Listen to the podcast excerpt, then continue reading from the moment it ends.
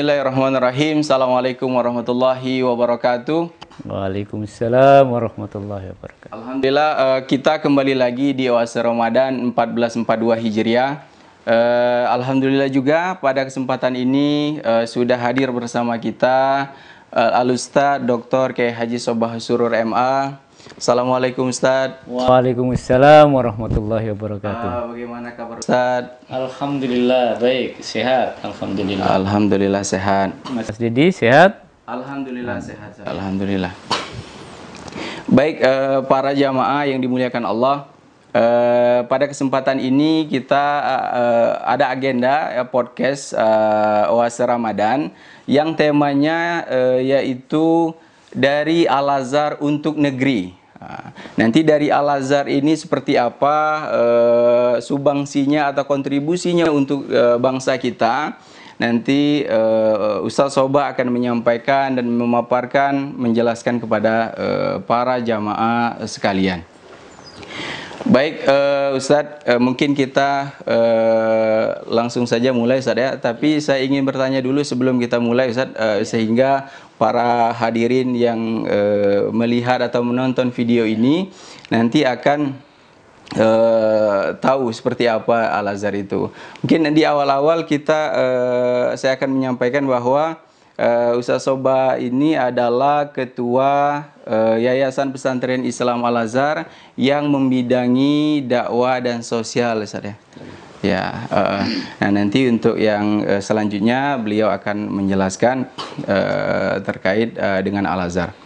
Baik, uh, Ustadz ini ada kita ingin bertanya Ustadz. Uh, kita minta apa namanya uh, minta diceritakan atau minta dijelaskan sejarah Al Azhar dari awal Ustaz dari dulu uh, sampai sekarang Ustaz. Uh, ya. Seperti apa Ustaz? Baik, Assalamualaikum warahmatullahi wabarakatuh. Para pemirsa Mas Dedi yang dirahmati Allah, insya Allah di bulan suci Ramadan, bulan yang penuh berkah, bulan yang penuh rahmah insya Allah. Eh, terkait dengan sejarah Al-Azhar. Sejarah Al-Azhar ini dulu ketika dibuat sebuah lembaga yayasan belum bernama Al-Azhar. Tahun 1952, 7 April 1952 ini uh, dibentuk sebuah yayasan. Namanya adalah Yayasan Pesantren Islam. Nah, Yayasan Pesantren Islam. Kemudian baru kemudian tahun uh, setahun kemudian 19 uh, 19 November 1953 uh, mempunyai program membuat membangun Masjid Agung Kebayuran yang oh, ya, di atas tanah 4,7 hektar. Sampai kemudian sekitar tahun 1958 masjid ini dianggap selesai belum sepenuhnya selesai, masih ada yang lain, tetapi sudah bisa digunakan. Dan oh, oleh yes. karenanya kemudian mengundang uh, seorang dai yang bernama Buya Hamka ya uh, untuk uh, bisa menjadi imam di masjid ini. Nah, begitulah kemudian Buya Hamka dengan uh, masjid yang masih belum sempurna 100% mengajak uh, untuk bisa beraktivitas, ngaji dan lain sebagainya, taklim, di samping tentu saja sholat-sholat uh, fardu di masjid ini. Jamaahnya ya bermula dari eh, pegawai-pegawai uh, oh, yang membangun masjid ini, ya uh, satu baris, dua baris, sampai kemudian uh, lambat laun jamaah ini menjadi banyak. Hmm. Nah, lalu Kemudian di tahun 1960 datang Syekh Al-Azhar dari Kairo yang bernama Mahmud Shaltut rahimahullah. Datang ke Indonesia dan sempat mampir ke uh, Masjid Kebayoran ini. Karena Buya Hamka sebelumnya di tahun sebelumnya diundang ke Al Azhar Kairo untuk mendapatkan gelar doktor honoris causa di sana. Itulah maka kemudian mampir ke sahabatnya di kebayoran baru ini uh, dan di sinilah kemudian beliau uh, memberikan nama dengan Al Azhar. Nah ini hmm. uh, ceritanya kenapa disebut dengan Masjid Agung Al Azhar yang sebelumnya bernama Masjid Agung Kebayoran begitu saja. Oh, belum ada Al Azhar. Belum ada Al Azharnya. Lalu aktivitas dakwah, aktivitas pengajian, kuliah subuh dan lain sebagainya diadakan oleh Buya Hamka. Sampai kemudian jamaah uh, merasa perlu untuk uh, berinisiasi kenapa tidak di masjid ini ada dibangun atau didirikan sekolah Islam. Nah, maka kemudian di tahun 1964 didirikanlah TK, SD dan begitu seterusnya. Sampai kemudian tahun 2000 ada universitas. Nah, ini cerita uh, awalnya yang tadinya dari sebuah masjid sebagaimana harapan dari Syekh Mahmud Shaltut ketika memberi nama uh, di Universitas Al Azhar Kairo itu dulu juga bermula dari sebuah masjid Al Azhar. Oh, iya, iya. Dari situ kemudian dibangunlah sekolah-sekolah. Nah harapan itu alhamdulillah sampai sekarang uh, terkabul.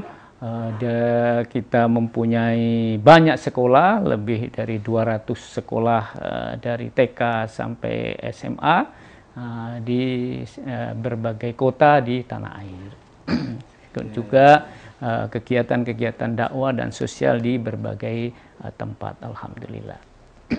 Ya, ya, Berarti awalnya ini Ustaz, uh, Al Azhar ini awalnya dari Masjid Agung Al Azhar. Betul. Nah, belum ada sekolah berarti Ustaz ya? Belum. Nah, belum ada sekolah. Jadi mulai dari masjid kemudian uh, merambahlah kemudian uh, ke dunia pendidikan formal yang tadinya hanya pengajian-pengajian halakoh-halakoh di masjid, uh, kemudian uh, didirikan sekolah-sekolah uh, yang formal. Nah, begitu. Uh, ya ya Ustaz. Uh, kan tadi dari SMA, Ustaz. Nah, sekarang kan sudah ada universitas, Ustaz. Uh, yeah. Universitas Al Azhar Indonesia, Ustaz. Apakah itu berbarangan atau misalkan baru um... beda tahun 2000 uh, tahun 2000 berarti sudah 21 tahun untuk universitasnya.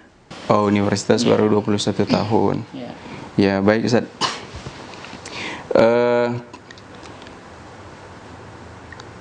untuk ini saat apa namanya uh, Al Azhar kan sudah banyak uh, berkiprah di masyarakat terus di uh, apa namanya di pendidikan terus di dakwah sosial Ustaz. Nah, kita ingin ingin tahu Ustaz uh, kiprah apa saja yang sudah dilakukan oleh Al Azhar ini Ustaz, sampai saat ini dari pertama kali berdiri sampai uh, sekarang Ustaz. Ya, fokus dari Yayasan Pesantren Islam Al Azhar pada tiga bidang ya tiga bidang program. Yang pertama adalah pendidikan, yang kedua adalah dakwah dan yang ketiga adalah sosial. Nah, untuk yang pendidikan alhamdulillah kita bisa berperan aktif di tanah air kita, di negeri kita dengan membangun sekolah-sekolah di berbagai tempat, di berbagai provinsi di Indonesia. Tentu ini kita syukuri Eh, lebih dari 200 sekolah uh, telah didirikan. Ya, ada yang sifatnya itu cabang, ada yang sifatnya itu kerjasama, ada yang sifatnya itu binaan. Ya, oh. yang cabang artinya seluruh aset-aset uh, dan semua ini adalah milik dari Yayasan Pesan Islam yang di pusat ini.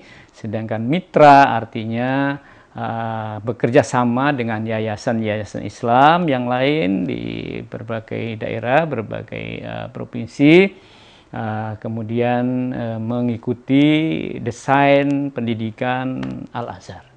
Itu. Nah, kemudian ada yang sifatnya binaan.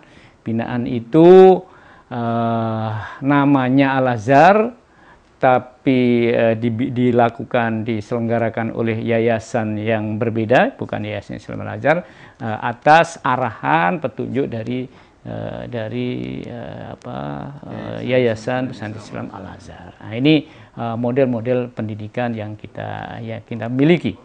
Alhamdulillah uh, berkembang cukup bagus dan banyak sekali yayasan-yayasan, lembaga-lembaga Islam yang berupaya atau ingin menjadi mitra dari artinya Al-Azhar dari sisi pendidikan Islam modern uh, digandrungi, diminati dan uh, banyak yang merespon secara positif untuk kemudian dikembangkan di berbagai daerah. Tentu saja kita memiliki kriteria-kriteria tertentu di mana bagaimana uh, uh, sekolah itu bisa atau yayasan yang ingin kerjasama itu bisa kita terima atau tidak. Ya. Nah, sementara yang uh, di bidang dakwah uh, kita memiliki program-program baik di Jakarta dan sekitarnya kaitannya dengan program-program dakwah maupun ke uh, berbagai uh, daerah. Tentu saja program dakwah dan pendidikan ini kita menganut pada prinsip dakwah yang rahmatan lil alamin kita tidak uh, apa tidak condong ke satu atau apa uh, kelompok tertentu ini tetapi ingin merangkul ingin merekat ingin me, mem, saling memperkuat antara lembaga-lembaga maupun organisasi-organisasi uh, yang ada di Indonesia. Sehingga dalam faktanya anak-anak yang sekolah di Al-Azhar, yang datang ke Masjid Agung Al-Azhar, yang ini uh, semua berasal dari berbagai uh, golongan, berbagai ormas, berbagai lembaga Islam yang datang ke sini. Ada yang dari NU, ada yang dari Muhammadiyah, Persis, partainya juga begitu. Ada yang latar belakang orang tuanya partai ada Golkar, ada PDIP, ada dan lain sebagainya, eh, baik eh, apa yang partai-partai Islam maupun yang bukan Islam. Semuanya kita terima, kita bina anak-anak mereka untuk bisa sekolah di Al-Azhar. Ini prinsip dari dakwah kita, dakwah yang rahmatan lil alamin. Dakwah yang uh, moderat, dakwah yang tidak uh, memihak ke salah satu dari kelompok-kelompok uh, atau ormas-ormas yang ada di Indonesia. Sehingga dengan demikian nampaknya itu yang menjadi ciri khas Al-Azhar sehingga masyarakat menerima Eh, dari berbagai kelompok ormas menerima uh, kehadiran Al Azhar. Ya ya ya saudara. Uh, Ustaz, kalau misalkan kita banyak uh, mendengar atau banyak mendengar atau banyak pertanyaan-pertanyaan dari masyarakat, uh, Al Azhar itu sebenarnya uh, milik siapa atau milik pengurus atau kami milik uh, apakah milik wakaf uh, ya. kalau misalkan ada lembaga-lembaga wakaf Ustaz, dia punya sekolah punya perguruan tinggi Ustaz. nah Al Azhar ini sebenarnya gimana Ustaz? Iya yayasan pesantren Islam ini adalah yayasan milik umat ya sejak awal didirikan tidak oleh kelompok tertentu oleh madhab tertentu oleh uh, ormas tertentu. Nah, itu terbukti dari kalau dilihat dari nama-nama para pendiri uh, terdiri dari orang-orang yang uh, berasal dari suku yang berbeda-beda. Nah, ada yang dari Sumatera Barat, ada yang dari Jawa, ada yang dari Sunda, ada yang dari berbagai daerah. Nah, juga etnisnya juga bermacam-macam. Ada yang etnis Jawa, etnis Arab, bahkan ada di antaranya itu etnis Cina, Tionghoa. Ada ini. Ini satu gambaran sejak awal didirikan yayasan ini. Dan sampai hari ini eh, pengurus pun terdiri dari uh, berbagai uh, latar belakang pendidikan maupun latar belakang etnis dan latar belakang uh, suku ya ini untuk menunjukkan bahwa keberadaan Yayasan Pesantren Islam Al Azhar adalah uh, karena umat, karena dukungan umat, karena uh, apa perhatian umat terhadap Al Azhar. Tidak didirikan oleh seseorang saja, tapi oleh kelompok yang ber, ber, ber, apa, berasal dari berbagai uh, daerah dan latar belakang. Nah ini ini maka uh, ke, uh, besarnya Al Azhar karena umat uh, saling dukung mendukung untuk memajukan Al Azhar. Ya ya ya saudara. Nah Ustadz kalau misalkan uh, kan kita sering mendengar itu Ustadz kalau di lapangan atau di masyarakat itu Al Azhar ini kan uh, ketika orang mengenal Al Azhar, mereka akan tahu bahwa itu pendidikan. Ustaz. Jarang itu Al Azhar misalkan mereka menyebut yang lain gitu. Nah, eh, ketika nyebut Al Azhar mereka tahu eh, itu pendidikan, eh, sekolah gitu Ustaz. Nah, banyak di masyarakat itu yang bertanya Al Azhar ini kan sekolahnya apa namanya bayarannya mahal gitu Ustaz ya. Eh, dan apa namanya eh, seperti apa Ustaz? Sebenarnya kenapa Al Azhar eh, misal menangani untuk kelas menengah ke atas gitu Ustaz? Atau ke- apa mungkin apa mungkin eh, eh, lembaga lain yang seperti Al Azhar ini eh, ada nggak yang yang begitu gitu Ustaz? Atau memang lembaga-lembaga Islam itu mungkin masih sedikit yang menangani untuk yang eh, kelas menengah ke atas Ustaz. Iya. Seperti apa Ustaz mungkin Ustaz? Ya, eh, kita lihat dari sejarah berdirinya memang eh, dulu ketika awal di tahun 60-an ketika mulai didirikan sekolah di lingkungan atau di bawah Masjid Agung Al-Azhar, eh, jamaah nih anak-anaknya ada yang sekolah di sekolah-sekolah non-Islam. Nah, yang dianggap oleh mereka sekolah-sekolah unggulan. Nah, maka kemudian ketika menjadi jamaahnya Buya Hamka, mereka berpikir kenapa anak-anak kita kok sekolahnya di sekolah-sekolah non-Islam. Nah, ada gambaran dan pemahaman mereka bahwa karena belum ada sekolah-sekolah Islam yang dianggap punya standar atau punya kualitas yang seperti sekolah-sekolah non-Islam itu. Lalu kemudian jamaah ini bersepakat, ah kalau begitu kita dong buat. Nah, bagaimana kalau kita membuat sekolah ininya? Itulah awal mula. Jadi memang eh, awal-awal berdirinya diharapkan tidak sekedar sekolah, ya, tidak sekedar apa madrasah, tidak sekedar eh, pendidikan yang yang asal ada, tetapi harus menjadi yang berkualitas. Harus bisa menyaingi sekolah-sekolah yang unggul-unggul itu, yang kebetulan eh, sekolah-sekolah itu milik non Muslim. Nah, itu cita-cita awal begitu.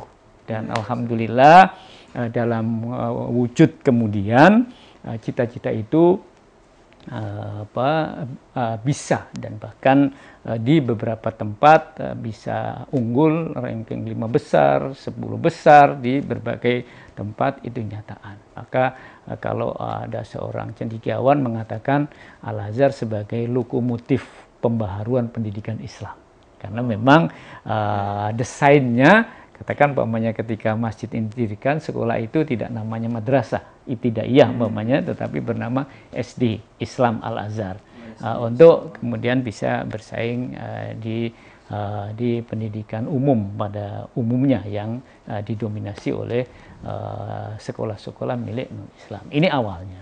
Uh, sehingga kemudian eh, sarana prasarana untuk menunjang kualitas itu tentu saja harus eh, unggul pula gitu ya. Nah, dengan demikian eh, mungkin dianggap sebagian kelompok eh, is- eh, orang Islam eh, menjadi mahal. Padahal kalau dihitung dari sisi fasilitas yang diberikan, ya hitung-hitungannya eh, ya itu wajar karena eh, apa sarana yang diberikan seperti itu. Nah itu itu maka kenapa umat Islam yang kemudian mem- memahami itu menyekolahkan di sekolah Al Azhar. Kalau dikatakan mahal tidak mahal, memang eh, Al Azhar eh, memberikan apa format pendidikan untuk kelas menengah ke atas itu dari awal eh, demikian Eh, dengan harapan eh, bisa apa bersaing dengan itu dan alhamdulillah dalam eh, faktanya kemudian eh, pendidikan kita bisa survive dan tidak sekedar survive bahkan eh, bisa eh, apa bisa bersaing dengan baik sekolah-sekolah negeri maupun sekolah-sekolah yang eh, yang non Islam. Alhamdulillah. Eh, Ustaz, eh, kalau kita lihat tadi dari perjalanan Al Azhar eh, sampai sekarang pendidikannya, nah eh, lulusan-lulusannya juga mampu bersaing di luar Ustaz. Ya. Nah, eh, saya dengar juga atau saya eh, apa bahwa Al Azhar ini di awal itu eh, tidak langsung seperti sekarang ini Ustaz. misalkan mereka yang eh, sekolah itu eh, sudah rapi misalkan pakaiannya sudah busana yang sudah Ya. muslimah misalkan sudah eh, lengkap gitu Iya. tertutup semua mungkin bisa diceritakan ke kita seperti apa di awal-awal Iya. eh, sekolah Al Azhar ini Sob? Ya. Itu tentu saja tidak lepas dari cara atau metode dakwahnya Buya Hamka. Buya Hamka ini terkenal seorang dai yang lembut tetapi berprinsip. Seorang dai yang sangat luas, sangat ramah eh, dan bisa menerima dari berbagai kelompok. Nah, dan itulah maka dalam cerita-cerita kajian-kajian Buya Hamka ada jamaah yang hadir yang masih belum berpakaian eh, yang sempurna sebagaimana layaknya busana muslim.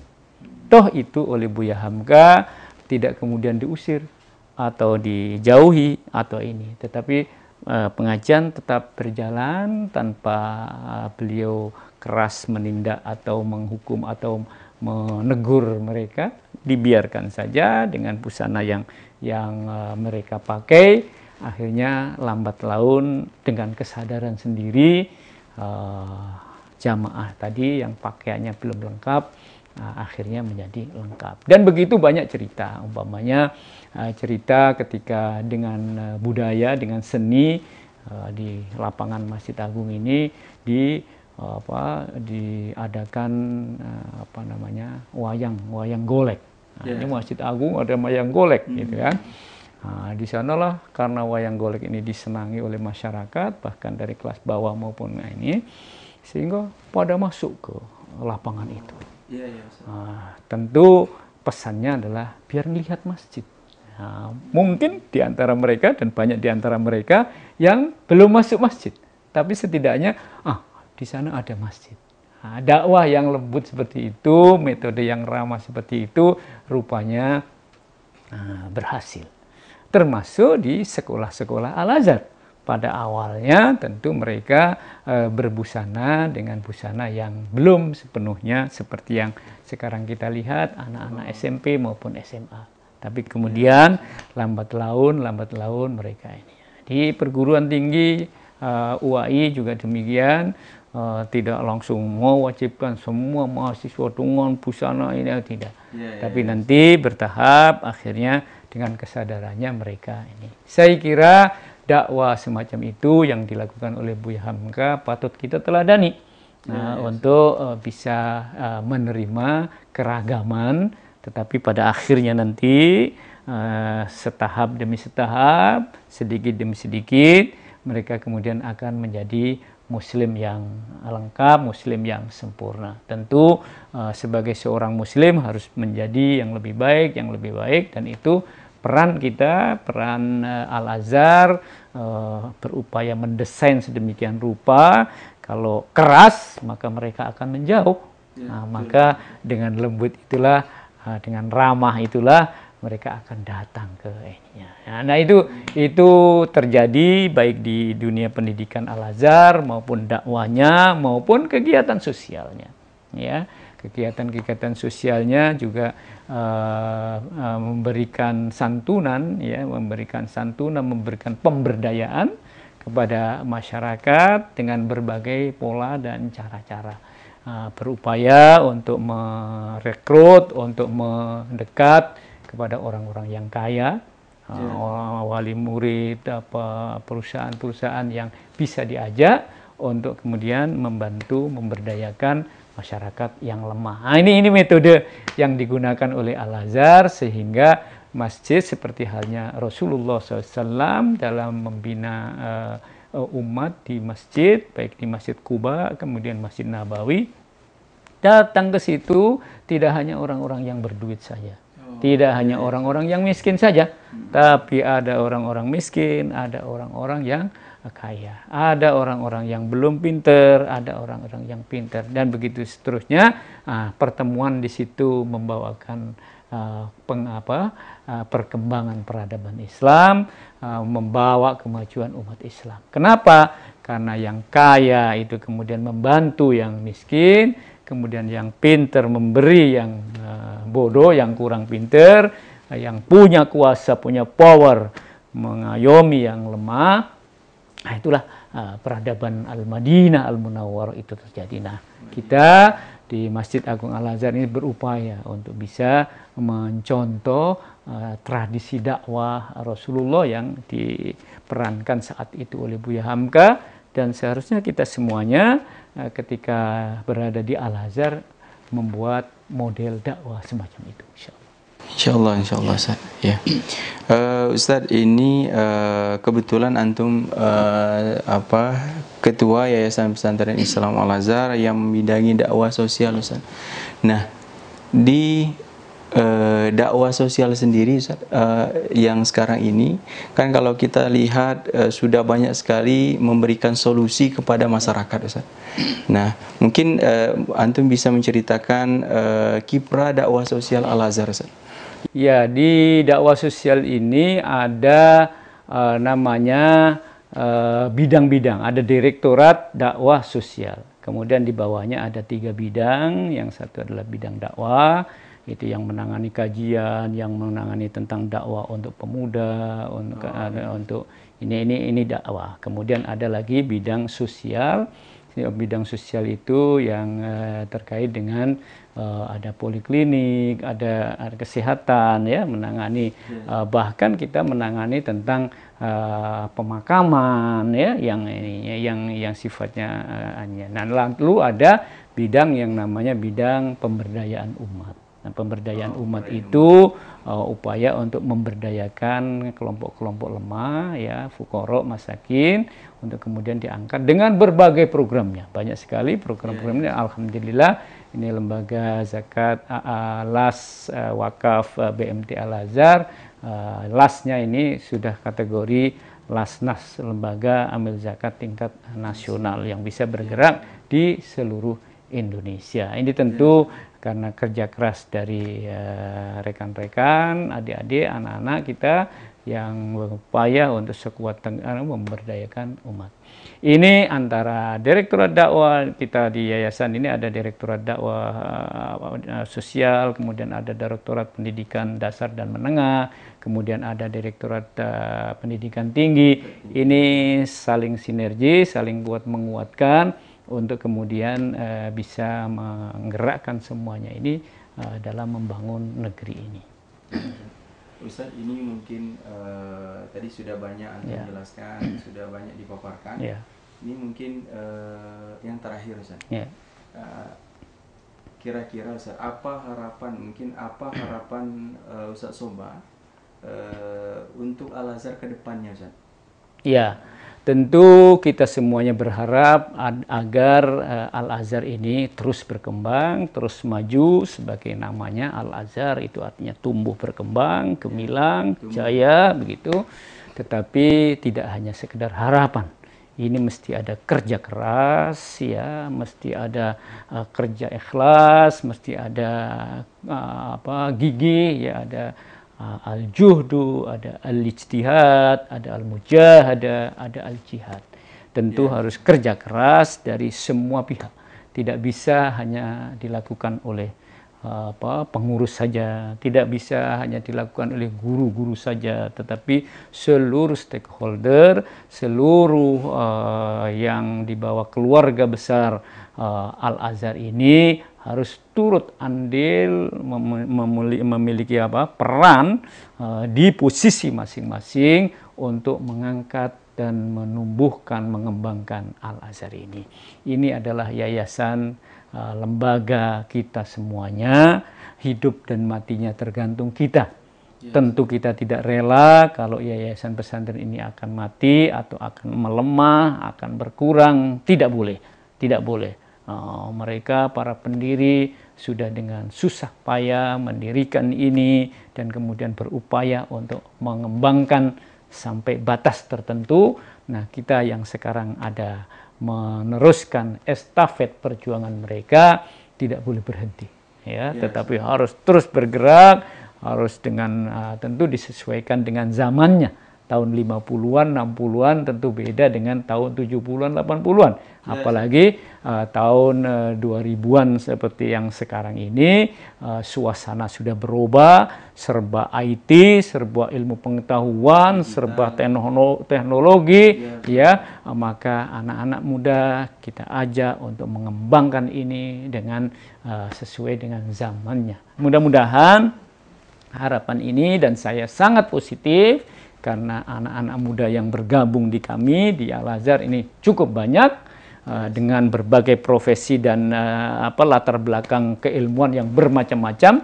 Maka saya uh, sebagai pengurus salah satu pengurus di YPI Al Azhar sangat-sangat optimis bahwa Yayasan Pesantren Islam Al Azhar akan terus gemilang akan terus jaya. Mudah-mudahan di bulan suci yang ah, yang apa suci Ramadan ini kita uh, doa-doa kita terkabul dan uh, Al Azhar akan terus maju dan berkembang insyaallah. Baik Ustaz, insyaallah insyaallah Ustaz. Uh, baik Bapak Ibu jamaah yang dimuliakan Allah. Uh, Ustaz tadi sudah kita banyak uh, apa namanya sharing dan diskusi Ustaz. Sudah banyak apa namanya penjelasan atau pencerahan buat kami semua Ustaz terutama uh, bagi kami yang uh, berjuang di Al Azhar ini. Berarti uh, para jamaah semua uh, berarti Al Azhar ini bukan punya pengurus begitu saya bukan punya orang yang bekerja di sini. Al Azhar ini punya umat yang perlu dibela, diperjuangkan dan harus tetap dijaga kelestariannya. Karena semua jadi Al Azhar ini punya umat semuanya, umat Islam saja. Jadi bukan bukan perorangan uh, bahwa Al Azhar ini punya umat. Uh, saya kira uh, apa diskusi kita sharing kita hari ini uh, kita cukupkan karena waktu sudah uh, apa namanya menunjukkan sudah di akhir.